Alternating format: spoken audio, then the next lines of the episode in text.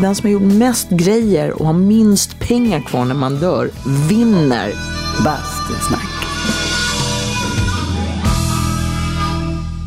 Hej och välkommen till avsnitt 43 av Bastusnack. Även denna vecka sitter jag och ugglar på ett hotellrum i Göteborg. Men eh, jag var dock hemma i måndags och hann klämma in en liten bastusession med fröken Kajo. Eller tant, som hon själv säger.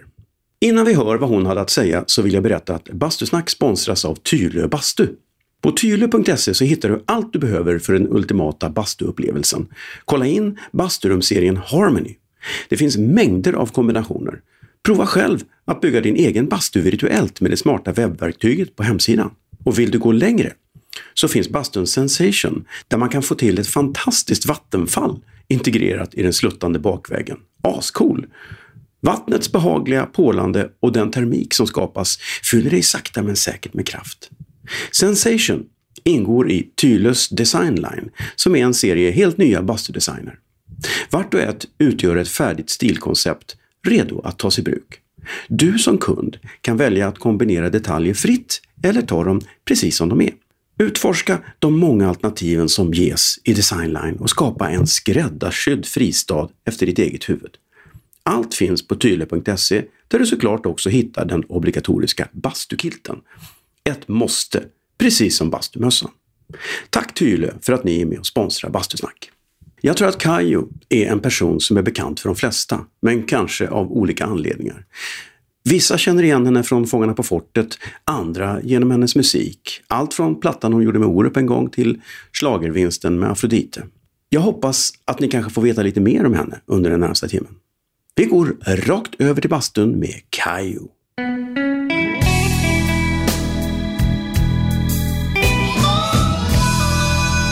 Bastusnack. Jag kan ju börja med att välkomna dig. Tack. Kajo de Chicone, det är ett väldigt fint namn tycker jag. Tack. Men sen heter du mer också såg jag. Ja, Maria Söderberg. Just det. Det är skönt, det är ditt Ja. alias. Ditt civil-alias. Ja, exakt. Det är när diskodrottningen har tagit, liksom, går ner på ICA så är Japp. det... Köper toapapper, då heter hon Maria Söderberg. Men är det, använd, är det bra att ha dubbelt? Har du använt det någon gång? Ja, så fort jag lägger ut annonser sådär, ska sälja någon soffa och sådär, då är det superbra att ha Maria Söderberg. Coolt. Tryggt och fint och ingen vet vem man är. Liksom. Just det. Ja, nu har vi ju spräckt det. Ja, kommer fasen också. mer. Kommer, Ah. Glöm inte att jag har två miljoner lyssnare. Just det. Fasen också. Jag får hitta på något nytt. Ja, så, ja, det är bra. Jag har ju alltid en liten, ett litet tilltugg till kaffet och då tänkte jag, vad, vad ska hon ha? tänkte jag. Okej. Disco Donuts. Oh, wow! Mm. Oj, vad är- fina! ja, Hygieniskt. Och så här tjejigt rosa också. Ja, oj. Titta vad fin. För du är ju discodonna också. Ja, Det är väldigt mycket också i ditt... Ja, det kanske är det. Men, men alltså disco, jag brukar kalla mig själv för diskotant. Ehm, men discodonna känns ju lite mer lyxigt. Den, den, eh, den tar jag. Och det är jag jättemycket. Jag börjar verkligen bli så här discoadvokat kanske. Försvarare. Ja. Att disco behöver inte försvaras. va? Nej, jag tycker inte det. Nej. Fast jag tycker ändå det är förvånansvärt många som, som inte ah, mm, kan så mycket om disco. Mm. Och det är kanske det som är det härliga också, att man bara ska kunna så här, äh, svänga sina lurviga på ett dansgolv och njuta av en härlig låt. Eh, Men det finns ju så många mer liksom, lager på den discolöken som är intressant, tycker jag. Vad fick dig in på disco? Ja, för ja, du, kom ju, du är ju uppväxt när discon kom. Ja, ja det är jag nog. Kan man ju säga utan att få det att verka gammal, för det var ju jag också. Ja, vi är väl nästan Ja, jämnåriga. ungefär. Men jag tror inte att det var ett naturligt val sådär, att Nej. man bara, det är det här som gäller. För samtidigt, ehm, jag är ju född, eller vi då, vi är, man är ju 60-talist Mm. och när man kom upp i ton, tonåren, då var det ju eh, inte bara disco, det kom ju lite senare, för mig var det ju faktiskt eh, pop gruppen också. Man är uppvuxen i Sverige, jag bodde i Solna. Mm. Så Roxy Music. Mm. Och mamma lyssnade på tub Tubular Bells. Ah, Mike Oldfield. Mike Oldfield, sådana där Det, är ju, grejer. jag, ja, jag var helt fascinerad av det då. Idag är det ju rådammigt. Men det går ju inte Nej. längre. jag men såg var på det Gröna. Lund live. Gjorde ja, du? Helt pretto. Men jag tycker det, det var kul då. Ja, det var fantastiskt. Kul det var ju stort liksom. Slade, Ja. Sweet, allt det där. Men, men man kanske också drogs till outfitsen, att de hade Mm. så sköna, glittriga, glansiga kläder på sig. Glam. Vilken var din första singel? Min första egna inköpta singel eh, var nog eh, Sweet. Och nu har jag då glömt bort första hitten med dem. ehm, Jag kan typ bara... Ballroom Blitz, va? Ja, Ja. precis. Fast det är Fox on the Run också. Ja! Fox on the run. Precis, nu kommer det fram. De såg jag på Gröna Lund. Jaha, Sweet. Ja. okej. Var det bra? Men du var inte så gammal då kanske? Nej, men det var ju stort. Det var jättestort att, att liksom gå på konsert Mm. och utan föräldrarna. De har ju fått ställa in Mhm. dagen eh, innan tror jag, för att de hade ju trashat logen. Var det då? Ja, Mm. jag, om jag inte minns En helt fel. så- hård trashning där Ja. de gjorde saker som jag inte ens vill prata om. Exakt! Mm. Det är liksom det som har fastnat lite Just i, det. eller hur? Just det, nu kommer det Ja. fram. Och eh, om det var så att de inte då fick uppträda och fick uppträda dagen efter eller hur det nu var. Men det var i alla fall stora Mm. rubriker runt omkring Just dem. det. Jag har helt glömt bort. Ja, du ser. Men var det 75? Eller? Nej, vad kan det ha varit? Ja, det tror jag. För det var ju sen 76 som Saturday Night Fever kom va? Ja. Och då var det, då var det, Var det kört. 76? Var det inte 77? Nej, 76. Ja, jag vet inte. Det får vi googla. Vi får googla det, men någonstans där. Mm, mm. Det är lite luddigt i kanterna nu för tiden. Det är intressant att Saturday Night Fever kom liksom fram samtidigt som Sex Pistols. Ja. Precis. Det är en parallell. Det är en, det är en skarp Punk och disco. Ja. Men också det där extrema tror jag, Mm. som man drogs till. Som också så här, liten svart tjej i förorten. Mm. Liksom. Så behö, man behövde ju det där dras till utanförskapets liksom, Mm. taggighet på något sätt. Och då var ju glitter taggigt på den tiden. Du kunde lika gärna blivit punkare ord. Det hade jag Ja, kunnat bli. Men du behövde, men du har alltid, har du alltid stuckit ut? Var du liksom klassens clown eller var du sån här, Jag var klassens panelhöna, faktiskt. Helt länge. Va? Eh, otippat? ja, jag var jätteblyg. Ehm, men eh, hittade liksom hittade min, min röst sådär när jag träffade min fortfarande mm, barndomskompis som också var en svart tjej. Och vi hängde liksom i Skärholmen och Vårberg. Och då hittade man liksom ett alias eller ett alibi på något sätt Mm. för att kunna tuffa till sig. Och då, då var jag farlig. Och på den vägen är det? Jajamensan. Jaha. Jag tyckte du verkade lite, innan jag lärde känna dig, tyckte du var lite läskig. Du var Ja. lite så här, hon är nog, hon bits. Ja, jag gjorde nog det ett tag. Fast jag, man minns ju inte det själv. Nej. Nej, men det är hur andra ser en. Det Ja. Jag får alltid höra att jag ser så arg ut. Kanske jag gör. Ja. Jag har alltid tyckt är du att du- arg? Nej. Nej, jag tycker du ser så här coolt fokuserad ut. Jaha. Nej, det är nog, det är nog snarare fokuserat förvirrad. Und- Undrar vad vi ska göra nu. Ja, du kunde ha Det är roligt. mig. Det är egentligen ganska kul. Det ska man egentligen ha en, en podd om, där man bjuder in folk och där de får reda på hur andra uppfattar dem. Ja, det kan bli hur spännande som Ja. helst. Jaha, uppfattas jag så? Ja, Det visste inte jag. Jo, förstår du. ja Du är ett dig. gubbslem. just det. Och hör sen. Alla tycker det utom du. Fast det, nu pratar vi inte om dig David. Nej, Nej, vi kan Jag prata ville om bara klargöra lugnt. det. Ja, oj. Ja, shit. Precis äckelgubbe som bjuder in brudar till bastun och ska snacka med dem. Oh, Fy! Och en annan kille. En hel del faktiskt. Ja, det hoppas vi. Mm. Nu, nu Här skärper har det svettats. Ja, nu skärper vi oss. Bastusnack. Din uppväxt, du har många syskon och jag vet att du har en brorsa. Har du fler syskon? Jag har eh, en helbror och sen så har jag en halvbror. Mm. som heter Malcolm som bor i London. Mm. Sen vet man ju inte hur det egentligen är med de där, de där killarna på 50-talet. Ja. Eh, det finns en, en eh, ganska spännande historia som är svårt att validera, fast det kanske är lättare nu med internets hjälp, att jag har en halvsyster på Nya Zeeland Mhm. som i så fall är 15 år äldre än mig eller något sånt. För min pappa mönstrade på en båt från eh, Nigeria då, som han kommer ifrån. Mönstrade på en båt och hamnade av en anledning på Nya Zeeland. Och där så blev han kvar ett tag. Mm. Då när whiskyflaskan kom fram på någon födelsedagsfest, du vet. Oh. You know, you know you got a sister, probably. Like in, lite så. Wow. Jaha. Så att eh, ett och ett halvt med all säkerhet. Mhm.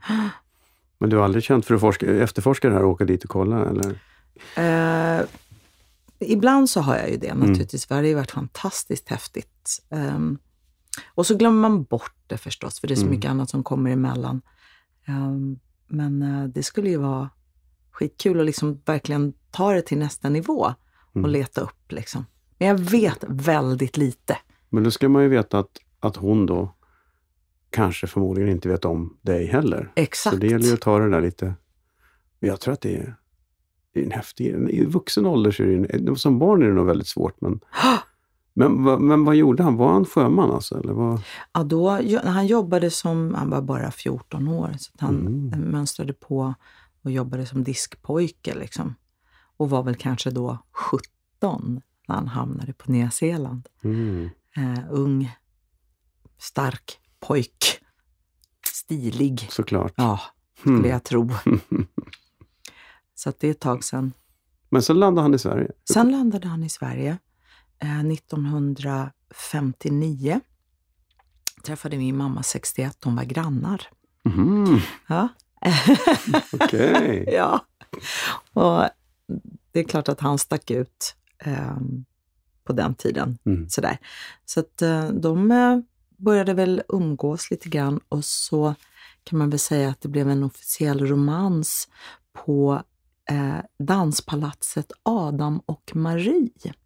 Mhm. Som vi, när vi gick på, på disco så hette det Strömsborg Ja, det Då vet, vet man vi- Då ja. vet vi. Mm. i Stockholm. Ja. Ehm, så där, där träffades de eh, och ehm, sen så blev de ett par och så kom det barn. Ja. Trevligt. ja, och då jobbade pappa som musiker Ja.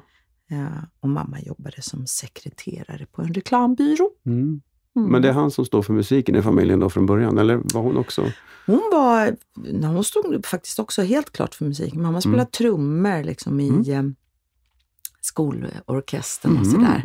Coolt. Ja, och eh, tog pianolektioner och sådär.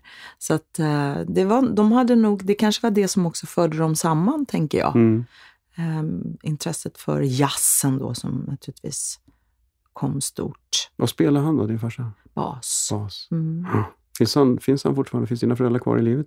Eh, min mamma finns i livet Ja. och min pappa gick bort 2008. Mm. eh, här i Sverige faktiskt. Mm. Men han delade sitt, sina sista 30 år mellan Nigeria, London och Mm. Sverige. Mhm. Mm. Har du någon kontakt med den nigerianska delen av släkten? Pinsamt lite. Ja. Eh, och, Nigeria är ju ett, liksom ett komplext land. Det är Ja. ingenting att sticka under stol med kan man ju säga. Lite rörigt va? Det kan man säga. Eh, så att min brorsa bodde där i sju år. Så han talar språket och, och sådär. Eh, så att vi har faktiskt tänkt att vi ska åka Mm. ner. Din brorsa discjockeyn alltså? Ja, Jaha, ser man på. Ja, visst. Så, för att jag skulle inte, och det har ju varit, vi har försökt när pappa var vid livet också att åka ner. Mm. Men du vet, ja men nu är det någon kupp, Mm. eller så är det någon diktator, eller så är det något annat kink. Mm. Så att, nej, vi får pausa liksom. Sorry. Ja. ja, så att jag, bara, var- jag har varit där en gång Ja. när jag var nio. Eller jag och brorsan då. Stort. Men sånt där brukar komma med åldern också, att man vill söka sina rötter. Ja. Har du, känner du att du vill liksom... Absolut. Eh, och det, det är väldigt... ehm, Rötterna blir ju, alltså som pappa faktiskt ofta sa, om du inte vet var du kommer ifrån vet du inte vart du ska. Och det tycker jag är faktiskt visa ord sådär. Mm. Så att, och nu när jag, jag har inga egna barn, men jag har ju eh, brorsbarn. Mm. Eh, och jag tycker det blir viktigare och viktigare att kunna, så att säga, eh, ge över arvet. Så att, dels att göra dem stolta och, och liksom också så kloka och förberedda som, som det går. Mm. Så det vore väl fantastiskt att kanske åka ner hela bunten. Kolla läget. Ah. Precis. Ah. Jag hoppas att det lugnar ner sig där nu då. Ja, och så har vi ju fasen, eh, vad heter det, Nollywood. Man kanske ska bli filmstjärna. Hello, Why not? eller hur? Ja, men du, du är ju filmstjärna här. Ja, Kan du film, filmstjärna kan där också? Ja. Fan, svårt kan det vara. Det var det. här med språket då. Men, Exakt. eh, Äsch, De, spel, de snackar engelska på filmerna. Hello, I'm here now, kan jag säga. Ja, säger de. I'm ready for my close-up. Exactly. Du hängde liksom och blev discobrud. Mm. Lite hård. Var, eh, hur, men var det meningen att du skulle göra musik? Vad pluggade du för något? Läste du, eller skulle det bli något så här ordningsamt? Skulle det vara ett vanligt jobb, tänkte du? Eller Nej, du bara harvade in och hamnade i... jag harvade in och eh, vi började gå på det första liksom, riktiga tonårsdiskot i Stockholm som hette Bobadilla. Sen var det färdigt. Mamma var tokig. Eh, hon ville nog att jag skulle bli advokat, förstås. Det ville inte jag.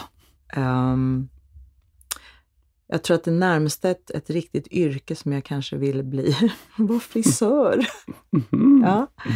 Eh, men jag hamnade väldigt snart in i liksom dansen. Mm. Så ehm, jag eh, sökte in till förberedande yrkeslinje på Balettakademin Mm. och kom in. Och eh, sen så blev det dans, liksom, helt enkelt. Eh, och på gott och ont så kunde jag inte ens gå kvar för jag fick jobb så himla fort. En Jag träffade- klassiker. Ja. Mm. Och det är många av Mm. oss, den lilla klumpen av Mm. tjejer och killar. Och jag var ju fruktansvärt kär i Vito Ingrosso. eh, och honom hade jag träffat tidigare för då han var ihop med en äldre tjejkompis som jag kände så här, som var så här, lite coolare än mig. Hon lärde mig allt jag kan. Ehm, och eh, då träffade man ju Emilio och Mm. Doug Taylor och alla de här. Och de hade ju en dansgrupp som Mm. hette Hot Cakes. Så att eh, sen var det färdigt. Då vill man göra allt Mm. som de Mm. gjorde. Mm. Liksom. Och de var ju på alla andra coola diskon. Och då fick du sådana... Vad, vad var första typen av jobb då? Vad, vad, Eh, det första betalda jobbet var faktiskt ett tv-jobb med eh, Club of Geijerstam var med. Det fanns ett tv-program och det här borde jag ju naturligtvis ha, ha listat ut. Det var en sån här fredagsunderhållning. Det fanns ju Häftig fredag. Mm.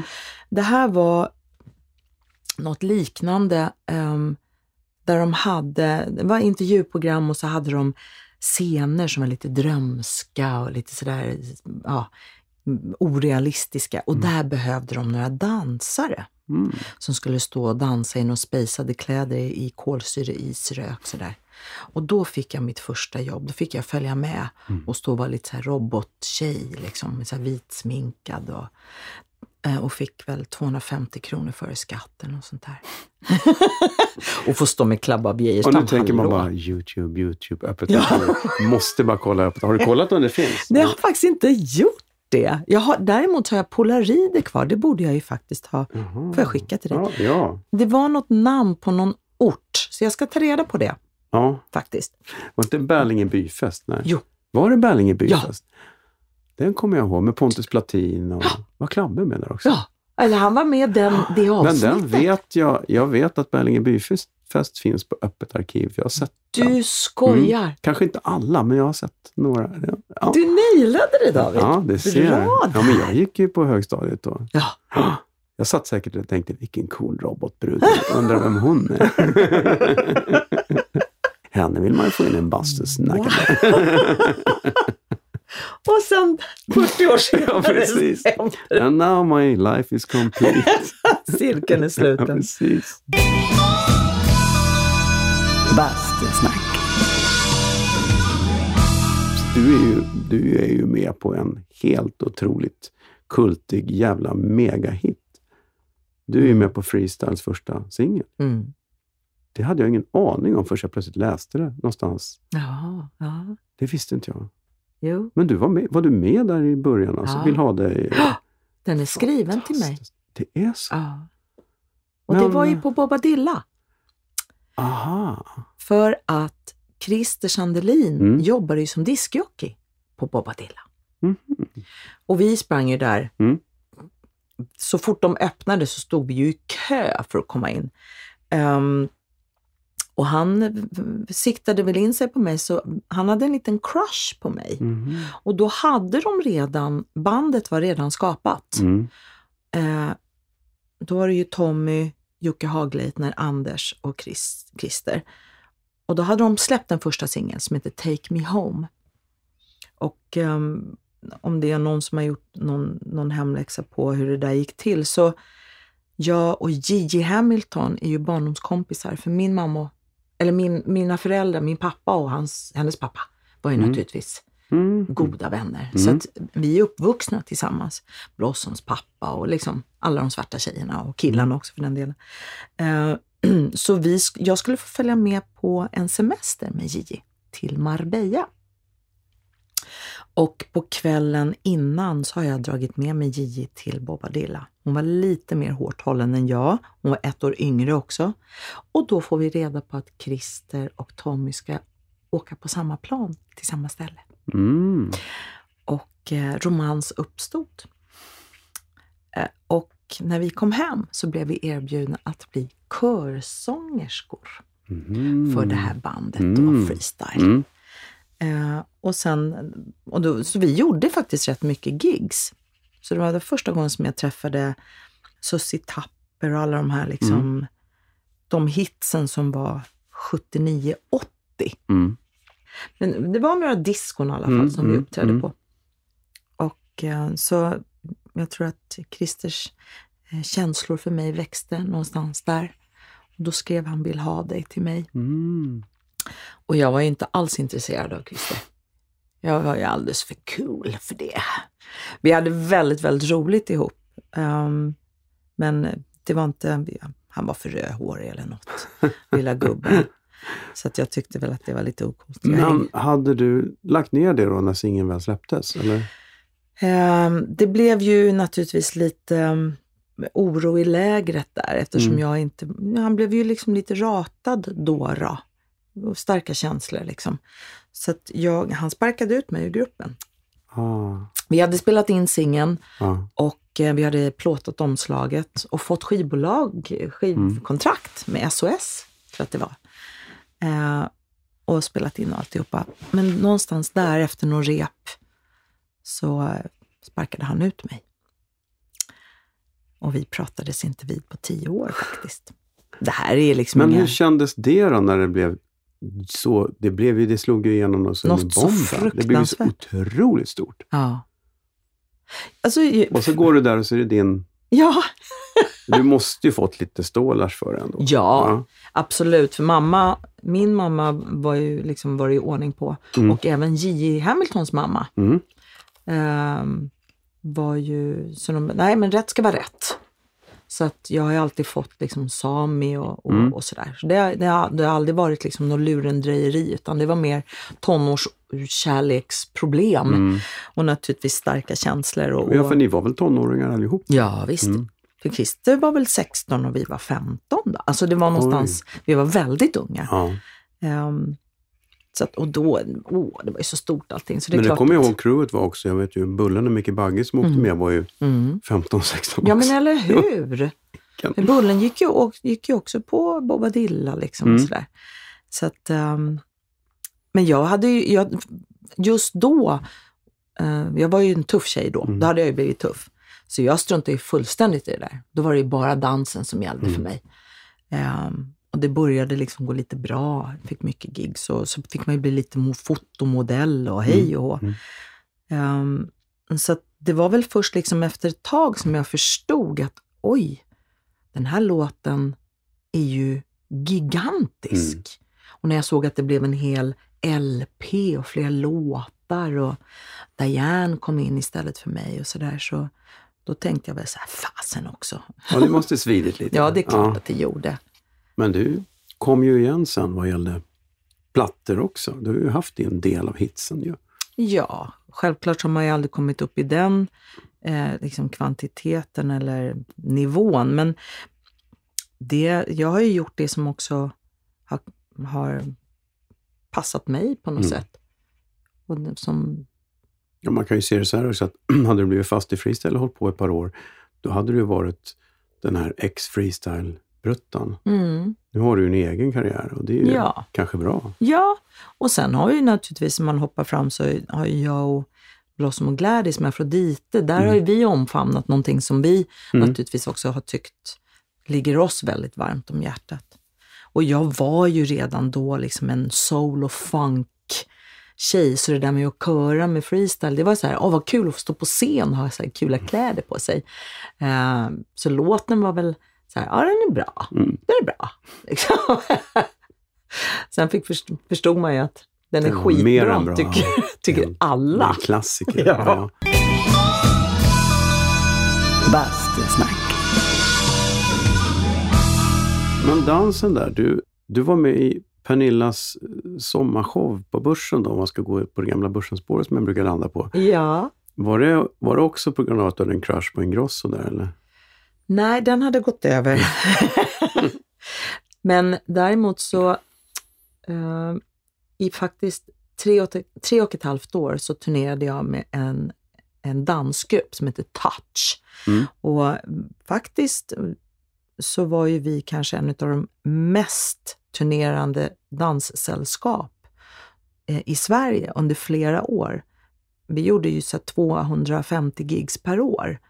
Um, vilka var med där? Är det någon som man uh, bör känna till? Sanna Ekman var med en vända.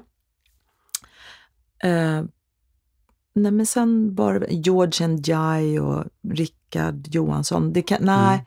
mer dansorienterade. Mm. Men Sanna hoppade in där ett tag. För hon, vi gick ju samma klass på Akis, mm. så hon har ju också dansbakgrunden. Um, så att Emilio Ingrosso, för vi uppträdde på Alexandras och Dixie Queen och Albatross och alla ställen där i stan. Så han fick syn på mig och, och han, vi kände ju varandra. Mm. Så att det var han som frågade mig om jag var intresserad av att vara med på sommarshowen.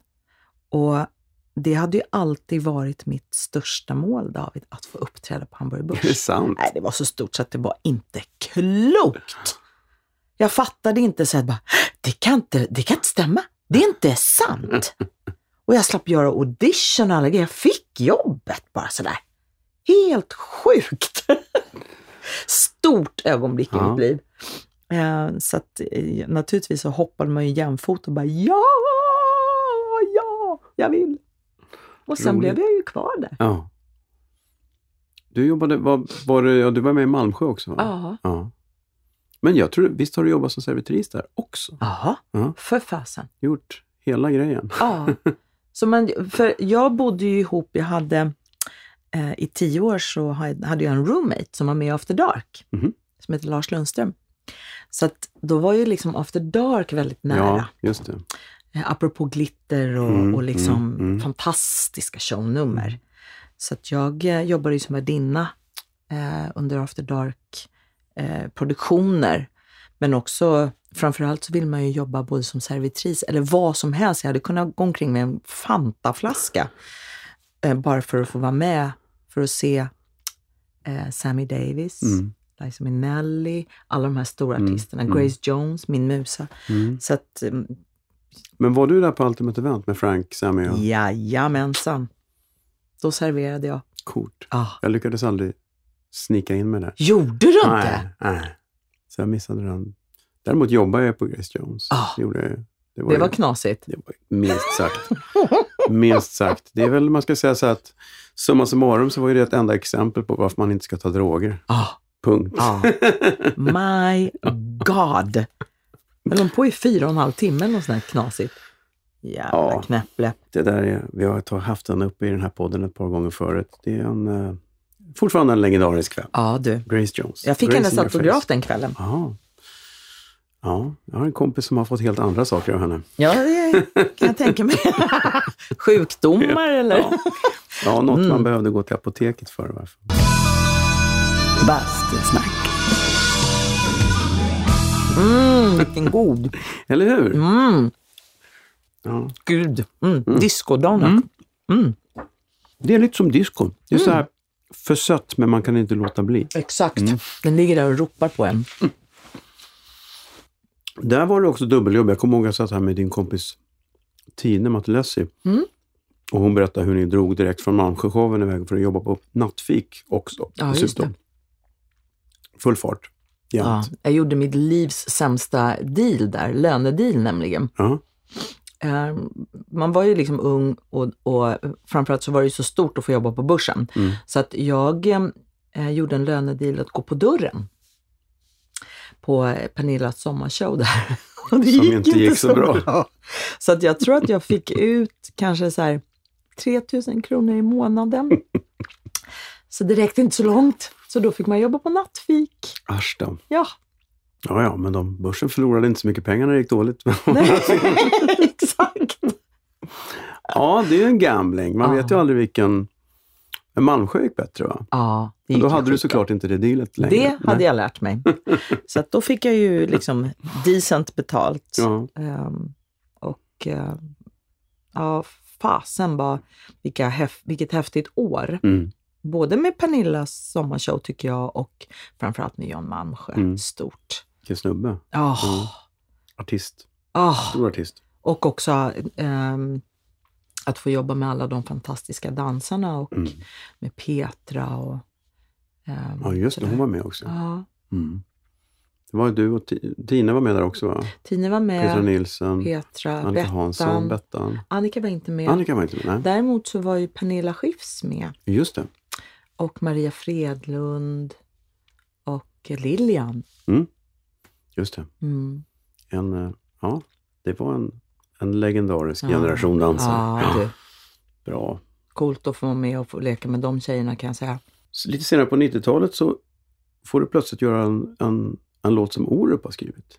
Ja, precis. Det stämmer. Eh, han skrev ju en platta till mig. Ja. Helt sjukt. Och det, och apropå så att tacka nej till grejer. Mm. Så här, nej, jag skiter i att vara med i freestyle eller nej, det här ska inte jag göra. Så blev jag erbjuden att åka som körtjej på hans första turné, Hellre jagad. Mm. Eh, och tackade nej, för jag, vem är den där snubben? Fattar inte. För jag och Sofia, hans dåvarande fru, är gamla barndomskompisar. Så att när jag fick nästa chans 1991 att åka och köra med honom på European Songs, Mm. då hoppade jag ju på tåget direkt. Och det resulterade i vänskap Ah. som blev en hel LP-skiva Jaha. med massa låtar på. Coolt. Ja. Men det gick ju det gick jättebra. Det gick jättebra. Jag är oerhört stolt över den Mm, mm. eh, skivan. Mm, och liksom allt runt omkring. För då, han skrev ju eh, st- stora delar av plattan ute på Storholmen utanför Lidingö, eller Ropsten, du vet. Ja. De hade ett litet hus där han hade sin skrivstudio där. Så att en eller två gånger i veckan under den sommaren 92 så åkte jag ut, eller så kom han och hämtade mig med båten. Mm. Och då hade han suttit och, och skrivit ihop skisser och sådär. Så åkte jag ut och så provsjöng vi lite granna och testade av texter och sådär. Och så eh, åkte jag tillbaka och, och ehm, sen spelade vi in plattan på, på hösten Mm. Med Dan Sundqvist som också är... Grym producent. Mm. Så att den plattan ligger mig oerhört varmt om hjärtat.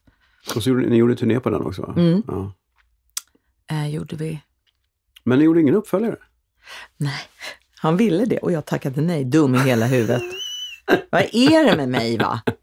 Vad Nu fasen? ska vi se, jag har gjort en platta med Orup. Den är skitbra. Den gått fantastiskt här. Ska vi göra en till? Nej. För då skulle jag ju göra en disco house-platta Ja. och så skulle jag ta mig till USA. Ja. Det var min plan. Och det, jag måste ju få försvara mig lite. Ja, det är klart. Det är inte så jävla lätt. Det är lätt att sitta här och vara, ja. Efterklok Ja, ja. eller cool. Men eh, att göra en platta på svenska och med Orup och sådär, det var ju fantastiskt. Men jag var ju sådär skoningslös. Jag ville ju till USA. Jag ville, ville, vi ville, ville ju bli stora. Och då började det också gå väldigt bra för Dennis Pop. Mm. Eh, Max Martin och Herbie och alla de här liksom på Cheiron. Mm. Så det är klart att jag ville haka på det. Mm. Eh, och då började vi skriva eh, house-låtar ganska, och jag älskar house. Eh, så New York och Chicago house. Eh, och eh, då tackade jag nej. Bara, äh, got Fast å andra sidan, things. man, eh, man känner ju att det, man måste ju satsa för att vinna. Mm, Det är ju, mm. Men vad hette det projektet? Var det under ditt namn eller hette det någonting? Eh, det är house. Ja, Dessvärre så, det var med Douglas Carr. ja. Eh, och det, vi släppte det projektet av någon anledning. Alltså det blev ingenting alls? Jag hade för mig att du gjorde något. Ja. Eh, vi släppte det för att jag då fick möjligheten att åka med ett redan existerande koncept, ska man väl säga, som Mm. heter Le Click. Just det, det Och var det- det jag tänkte på kanske. Ja. Ja. Så att, nej, nu, nu glömmer jag. Jag fick ju för fasen Fångarna på fortet. Jaha, i samma veva? Ja, Ah. och då kändes det, ja men vad kul, Mm. det verkar ju härligt. TV och sådär. Men det är också, hur, hur landade du det? Det kan ju inte bara vara att, ja men vi ringer Kaj, hon har gjort en platta med Orup. Jag menar, du måste ju vara återigen det här gamla, är det kompiskorruptionen här eller? Ja, alltså, Hur kom, hur kom man på, hade du gjort sånt förut? nej, men däremot hade jag ju spelat in en film precis. Just det. Eh, Så de där åren liksom, som jag kallar för mina liksom, heyday-år, Mm. mellan 92 till 98, då hände det väldigt mycket grejer. Och det kom liksom grejer från, Mm. från alla håll. Så eh, 93 släppte vi plattan med, med Orup. Och eh, 93 så fick jag också, jag trodde att jag skulle göra audition för en reklamfilm. Men visade sig vara en huvudroll i en film. Så jag stod och läste mot någon konstig kille som jag tyckte såg ganska tråkig ut, vilket var Jakob Eklund. Eh, ja. För det var så var det-. Så var det liksom, ja men du har fått rollen. Ja, vad är det för produkt då liksom? Dum så superstressad liksom. Eh, och, så då gjorde jag filmen, så jag dubbeljobbade 93, spelade in filmen som släpptes 94. Och 94, och det tror jag gjorde att folk fick upp ögonen Mm, för mig mm, då. Och då var det producenten för eh, Fortet. Mm. För då hade jag varit där och tävlat redan. Ehm, faktiskt med Christer Sandelin, då var vi kompisar igen.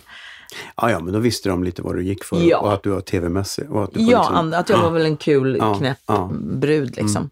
Så att, eh, det var väl så jag landade det helt enkelt. Vad roligt. Ja, och det, Men det måste ha varit lite säsonger. svettigt också. Ja. Alltså, när man får den frågan. Det är ju rätt mycket jobb. Fast det har aldrig hindrat mig David. Nej. Jag har jobb. Är det kul? Är det mycket jobb? Är det, är det okej betalt? Ja, för fasen. Har du gjort det förut? Nej, men bra, då kör vi. Älskar jag nya saker. Ja. Kul. Eh, ja. Och som sagt var det där med att den som har gjort mest grejer och har minst pengar kvar när man dör Ja, vinner. lätt. så, så tycker jag.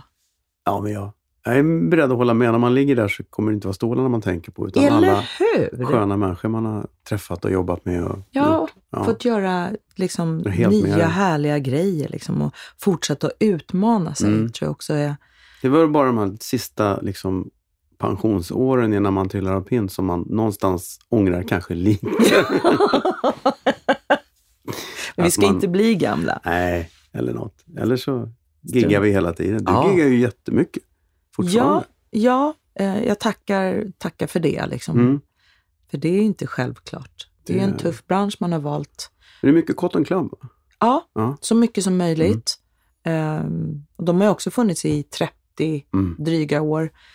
Så att det är klart att man får liksom, det kommer nya fantastiska musiker och, och grupper och Ja. band och sådär.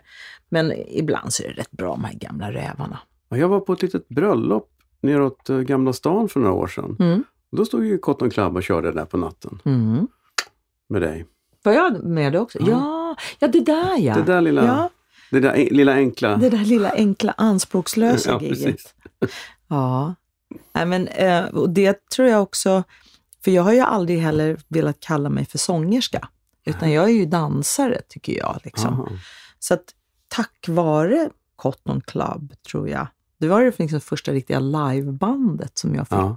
Lira med, förutom Orup där, liksom, men göra egna grejer. Så att jag har giggat gratis med dem så mycket det har gått också, för att hålla nerven igång och lära sig Mm. grejer och sådär. Så, att, eh, så jag har faktiskt stor respekt för det här med, med att sjunga och, och, och Men du kallar, du inte, kallar du dig fortfarande inte för sångerska? Inte så gärna. Artist brukar jag säga. Intressant. Ja. Du har ju en fantastisk röst. Vad sa du? Hörde inte nu. Jag sa att du har en sån fantastisk röst. Du har ju riktigt sånt uh, soulig, bra. Ja. Ja, alltså, det, det vet jag inte om jag tycker. Jag, jag, I can hold a song liksom, under vissa, liksom, inte vad som helst. Men man ska, jag tycker Ja, att det, det, det är ganska fräscht med att veta vad man, att hålla sig inom, om, inom det som man känner att man behärskar. Inte vara med i Stjärnornas stjärna de andra ord. Nej, Där det bara handlar om saker man inte behärskar. ja, nej, det skulle aldrig falla mig in. Det är lite taskigt som idé tycker jag, för att det går ju ut på att folk ska misslyckas. Ja, men jag menar det är det. elakt. Det är jättebegåvade människor som, Exakt. som ska ställas ut för att nej, du klarar inte av det här. Nu, nu ska jag helt och ärligt säga att jag inte ens sett programmet, Inte så jag jag sitter ju här och dissar det oerhört. Men, Ja, men, ändå. det är lite, Ja. inte det lite Ja, men jag är lite trött på den här mobbing-grejen. sådana tv-koncept utan att nämna något Ja. eh, har jag ju tackat kategoriskt nej till. Mm. Eh, jag vill inte vara med i åka ut-program. Eh, jag vill vara med i program där man åker in. Ja, Liksom. precis. Eh, befrämja och stötta Mm. upp och sådär. Eh, och det där, men då är det ju också, ja, det finns så mycket man kan säga om det där, men om du tittar på den nya generationen, Mm. eh, där vi pratar mycket om det, om, om folk som har gjort saker två, tre gånger. De har spelat in en singel eller Mm. varit med i ett tv-program. De kallar sig gärna för sångare eller Mm. skådespelare. och Så där. Det skulle aldrig falla mig in. Men det är ett fantastiskt självförtroende. Och det gör ju, de kommer ju framåt och det händer häftiga grejer. Ehm, men det är kanske en Ja, generationsfråga. men är de kvar liksom. så länge då, tänker jag? Det är, Jag hoppas jag inte tror det, inte eller att de förstår själva att de, här, vänta jag kanske ska plugga, jag kanske ska göra det här några det, gånger det finns ju till. det här gamla talesättet att man är inte författare förrän man har skrivit tre böcker. Ja, Det är ju ganska många som har skrivit en bok, Ja, men tre, då kan du börja snacka. Och det är Ja. väl lite grann, tycker jag, med, med musik också. Och, och liksom, eller hur? eh, nej, men du har, ju, du, du har ju å andra sidan gjort jättemycket olika saker, men när du har gjort det så har du gjort det så pass mycket så att du nog kan titulera dig både skådespelare och sångerska tycker jag och dansare och eh, ja, you name it. Men är inte det lite härligt då? Med, ja. det är också städerska och dagisfrö. Men det är också, jag tycker det är lite coolt med, med artist. Mm, Jag kommer ihåg att jag och Tine pratade om Petra som jag också tycker är en fantastisk artist. ja. När man kan göra flera saker. Mm. Vår generation befrämjade ju det mycket. Att också för att öka jobbmöjligheterna så var det bra att kunna flera grejer. För mig var ju Shirley MacLaine och Liza Minnelli, det var ju liksom musorna. De gör ju massa olika. Eller hur? Mm, De skådespelar, mm. de steppar, de sjunger, de dansar, de, eh, liksom, de gör alla grejerna. Och det, det tycker jag är något fint. Så att kan man flera grejer ganska bra Mm. så kan man få kalla sig för artist. Men jag tycker det är så roligt. Jag var och såg, eh, jag var och såg dig nu i den här Taube Today Mm. på Västmanlands länsteater och även Uppsala stadsteater. Mm. Har ni kommit dit än eller är ni fortfarande i Den Västerås? sista veckan ja. nu i Västerås. Och det var ju en käftsmäll. För det var ju, jag tyckte det var så fantastiskt bra. Det var så skitkul. Och, och, och att ni var som en enda enhet, eh, skådespelare och musiker. Det var liksom en, det var inte så här att åh, där är, nu kommer musikerna in och har en replik, typ, som det ibland kan vara. Utan allting var en enda, mm, ja, ett, ett total performance på Mm. ett sätt som var, och samma med tekniken så var, var så kul att det var inte teknik för teknikens skull, utan nu ska vi ha en storm här på havet. Hur gör vi? Mm. Ja, men om vi har en vindmaskin bakom tygerna här så blir det, och så plötsligt så blir det det. Mm. Och så är det Taube som i all är, alltså jag högaktar Taube på alla sätt och vis, men så tänker jag, ah, lite dammigt. Mm. Och så kommer man dit och så hör man arr som är äh, makalöst. Visst. Det var en sån helgjut, jag kan rekommendera alla, ni är dumma i huvudet om ni inte åker och ser den här föreställningen. För det här är, glad ja, men det man är, blir när man det är en sån detta. kick. Ja. Ja, jag, jag blir glad av, av kickar. Eh, positiv energi och en konstnärlig höjd som är... Jag tyckte om att det var, det var helgjutet också. Att, att från ensemble, kostym, scenografi, arr, allt sitter ihop och följer samma linje. Mm. Det var jättekul. Men som jag förstår så har ni ju lite varit med och jobbat fram den här föreställningen också. Ja, det, det kan man nog kosta på sig att säga. Det här danska regissörsteamet som Mm. har gjort, producerat den här urföreställningen, för det här är liksom skapat nu. Eh, det är ingenting som har gjorts förut med andra. Eh, de skapar ganska mycket i stunden. Mm. När du säger, okej, det är de här vi ska använda oss av. Jag gjorde ingen audition, jo, en, en liten på Arlanda faktiskt. Eh, men de andra gjorde audition och då har de ju liksom lite koll på vad är det för typer vi har här. Vad har vi för röster? Vad har vi för personligheter? Okej, vi provar det här och ser hur det landar. Och utifrån det, ja men då kan vi ju prova det här. Wow, okej, men om vi liksom twistar det lite till, vad händer om vi gör så här? Så så har, ju, har vi fått vara med och, och skapa och påverka och alla vi, jag tror att jag kan prata för hela ensemblen när jag säger att ingen har ju varit med om något liknande Nej, någonsin i liksom re, rep och produktion. det måste ju ha funnits en sån här, en sån här tillfälle under repetitionerna när ni tänker, vad fan håller vi på med? Ja. Vad blir det här? Ja. Är de kloka de här? Man vågar inte prata om det, för man tänker så här, ingen kommer att komma på det här. Det kommer vara så syrat och, och märkligt så att vi säger ingenting. Liksom. Och sen så börjar man förstå att nej men det här är ju ett parallelluniversum Mm. som vi tillsammans delar, de tolv personerna som är med, liksom även scentekniker och ljus och sådär. Där vi kommer aldrig att få göra något sånt här igen. Det är vi liksom... Nej, det, är, det är möjligt, för att det, det är en sån helgjuten... eh, jag tycker Riksdagen tycker det är ganska absurt roligt att det krävs danskar för att komma hit och göra tåb. Ja, För jag har aldrig, så fort man ska hotta upp, jag hatar det när man ska hotta upp något. exakt. Men här är det faktiskt inte upphottat utan här har man tolkat och det tycker jag är Mm. exceptionellt roligt. Ja, fin, fin. Men eh, jag, jag hoppas att ni får köra mer. Finns det några planer eller hur gör man? Den läggs ner sen. Det, ja, dessvärre så finns det ju inga planer som det ser ut nu. Mm. Men vi hoppas ju på att eh, Alla någon... ni producenter där ute, lyssna nu. Köp den här föreställningen. Ja. Köp den. Och titta, så kommer ni förstå varför ni måste ha den här föreställningen. Bastusnack. Vi var med på Cypern och startade någon sorts pizzaställe. Var har du grävt upp det där? Ingen aning.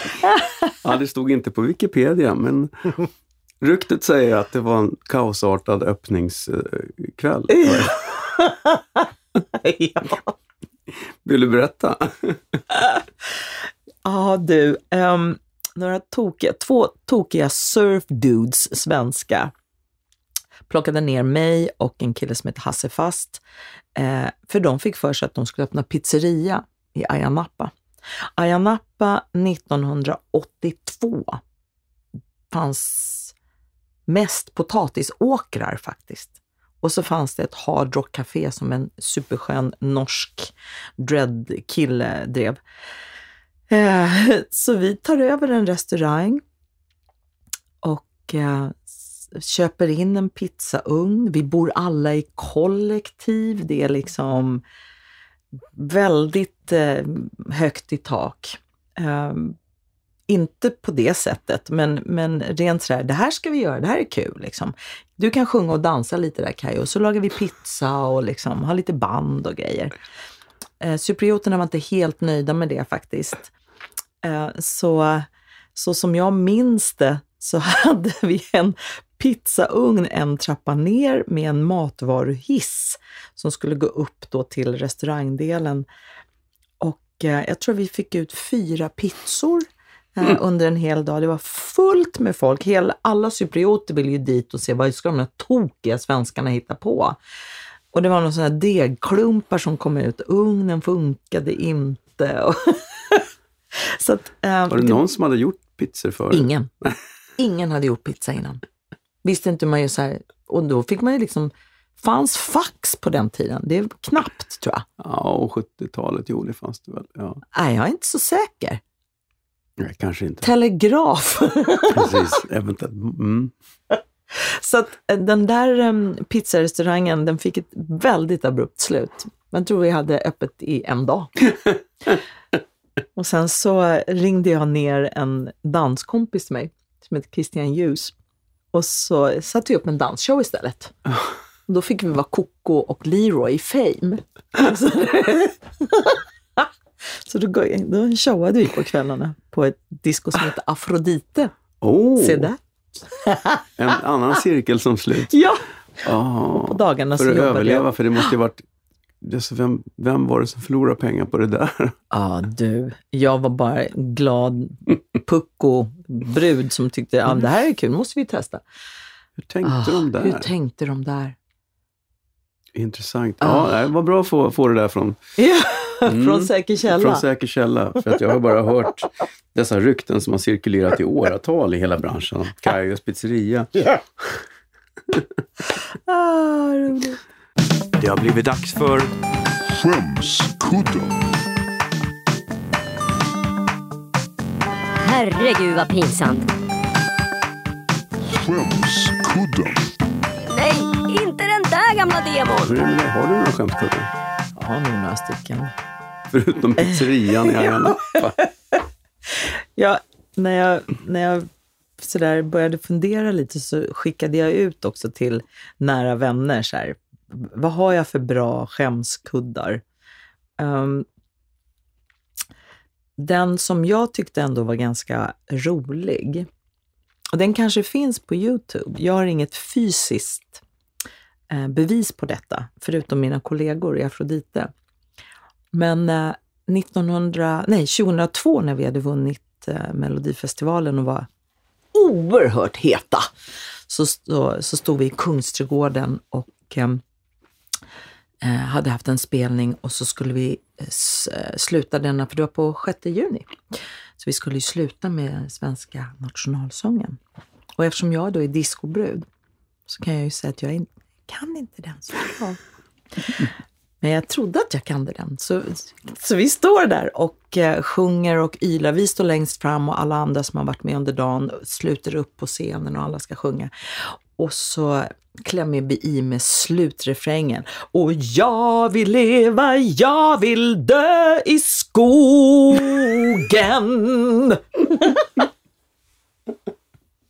och Blossom och Gladys tittar på mig och bara på riktigt, fröken Ciccone. Fullt övertygad om att det är så det är. så Ja. vad tror du om den? Den tycker jag är jättefin. Och det hördes förstås. Ja, fullt, för det var ju bara vi som hade mikrofoner. Folk måste ju trott att du skämt. Ja, vi har hoppats det. Jag har lärt mig texten. Ja, Ja. Herregud. Ja. Så den finns. Ja, det finns ju några andra också, men eh, den är ganska gullig tycker jag. Ja. Jag vill leva, jag vill dö i skogen. Woho! Flytta dit då. Ja, exakt. Jävla pucko! Bastusnack. Hur ser, hur ser framtiden ut nu? Du har, ju, du har ju ganska mycket på paletten. Är du liksom sugen att göra mer såna här tåbliknande grejer eller är vad är... Ja, alltså frilansgrejen är ju spännande, så egentligen så eh, är det inget konkret. Jag skulle jättegärna, jag tycker att det här ska komma till Stockholm eller att vi Mm. kan få faktiskt eh, uppföra det här i Danmark. Mm. Vore inte det lite Jo, trevligt? faktiskt. Eh, men eh, det, vet vi ingenting om. Däremot så hoppas jag på att få jobba lite mer med Josette på Kjell Mingo. Mm. Som eh, eh, var regissör både för Brun utan sol som vi gjorde, men också En druva i solen. Mm. Och nu Cabaret som jag då gjorde Mm. här i höstas. Så det hade varit lite kul att fort, få fortsätta att utvecklas i Mm. den här nya branschen som Mm. jag hamnat i, som tydligen Mm. är skådespeleri.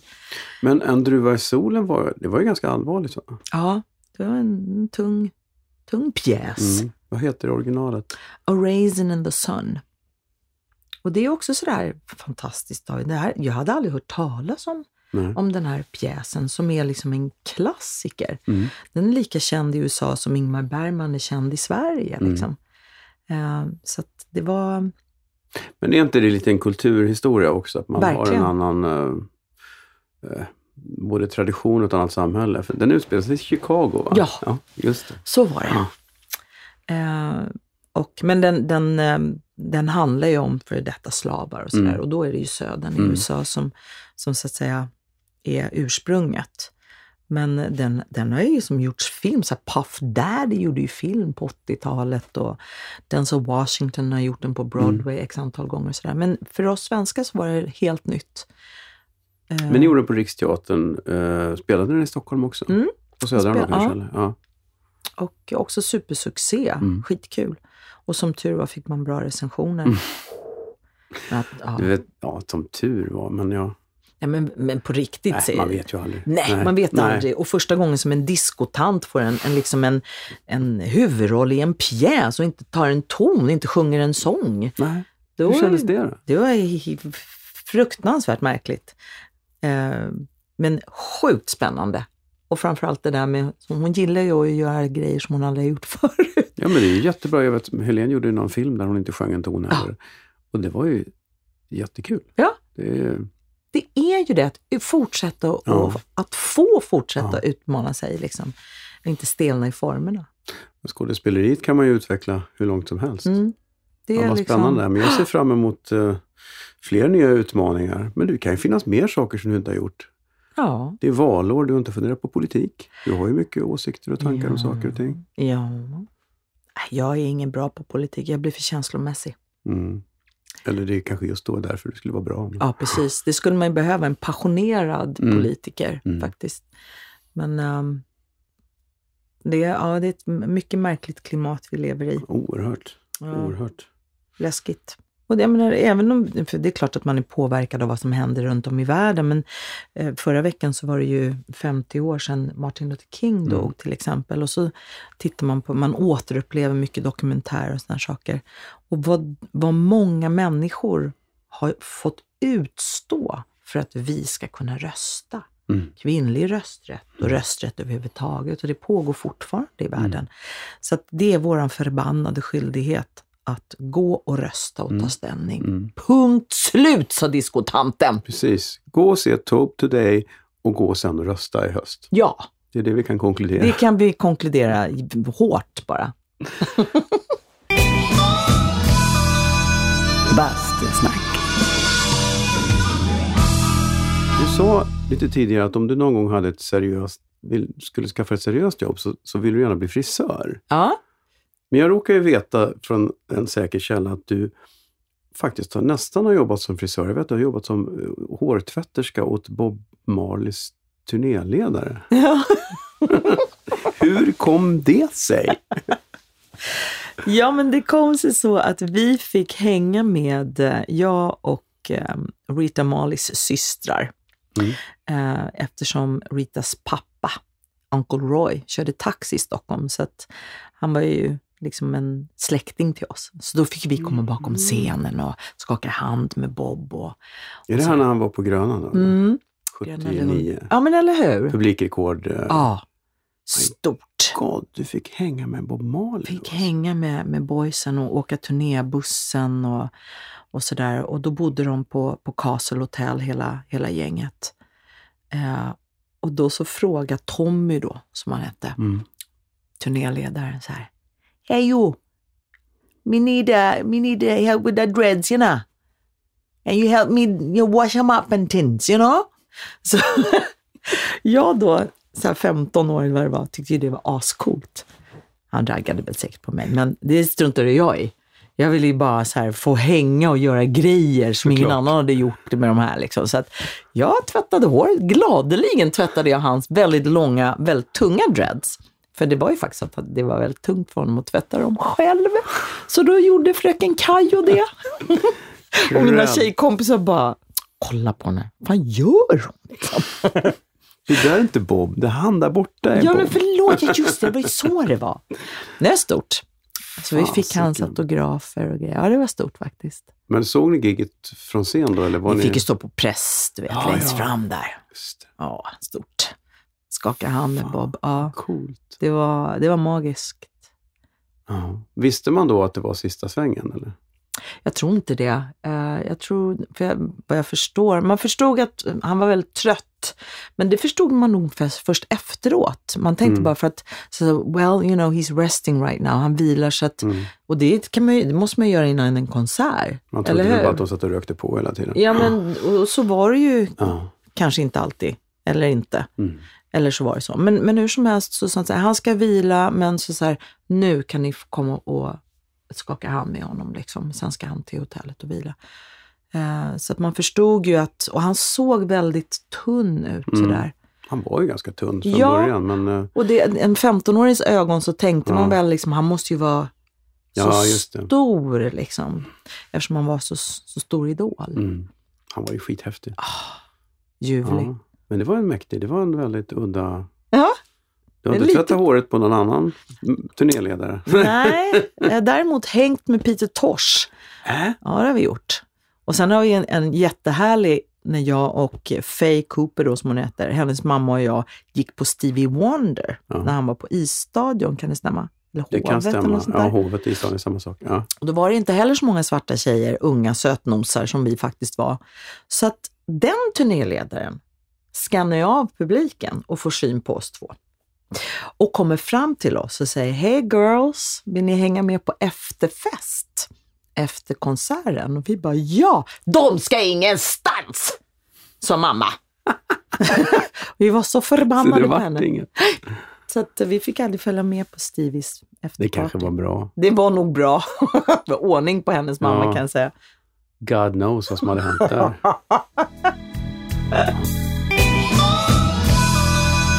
Bastusnack. Nej men du, då säger jag som jag brukar göra nu. I och med att det är vår här så var det ju väldigt mycket lättare att hacka hål i isen här. Så du vet du vad som väntar. Nu är det ner i vaken ser du. Ja. Får se hur hot du är sen. Tack snälla Kaj för att du kom. Tack för att jag fick komma. Mysigt. Bastusnack. Tack för besöket Kajo. På Bastusnacks Facebook-sida lägger jag upp lite bonusmaterial, bilder och länkar till saker som vi har talat om i avsnitten. Jag letar till exempel just nu febrilt efter en video om när Afrodite sjunger nationalsången i Kungsan. Om ni hittar den, mejla gärna bastusnack.bastusnack.se så kan jag lägga ut en länk. Hehe. Om ni gillar podden så får ni gärna skriva en recension på iTunes eller helt enkelt bara dela uppdateringarna om nya avsnitt på Facebook, Instagram eller Twitter. Gå in på tylö.se och kolla in deras nya serie Harmony Basturum. Det finns mängder av kombinationer. Prova själv att bygga din egen bastu virtuellt med det smarta webbverktyget på hemsidan eller beställ en bastukilt. Grymt smart produkt för oss som är trötta på handdukar som halkar ner. Tack till Tylö för att ni är med och sponsrar Bastusnack. Vi hörs igen om någon vecka med en ny spännande gäst. Till dess, basta försiktigt!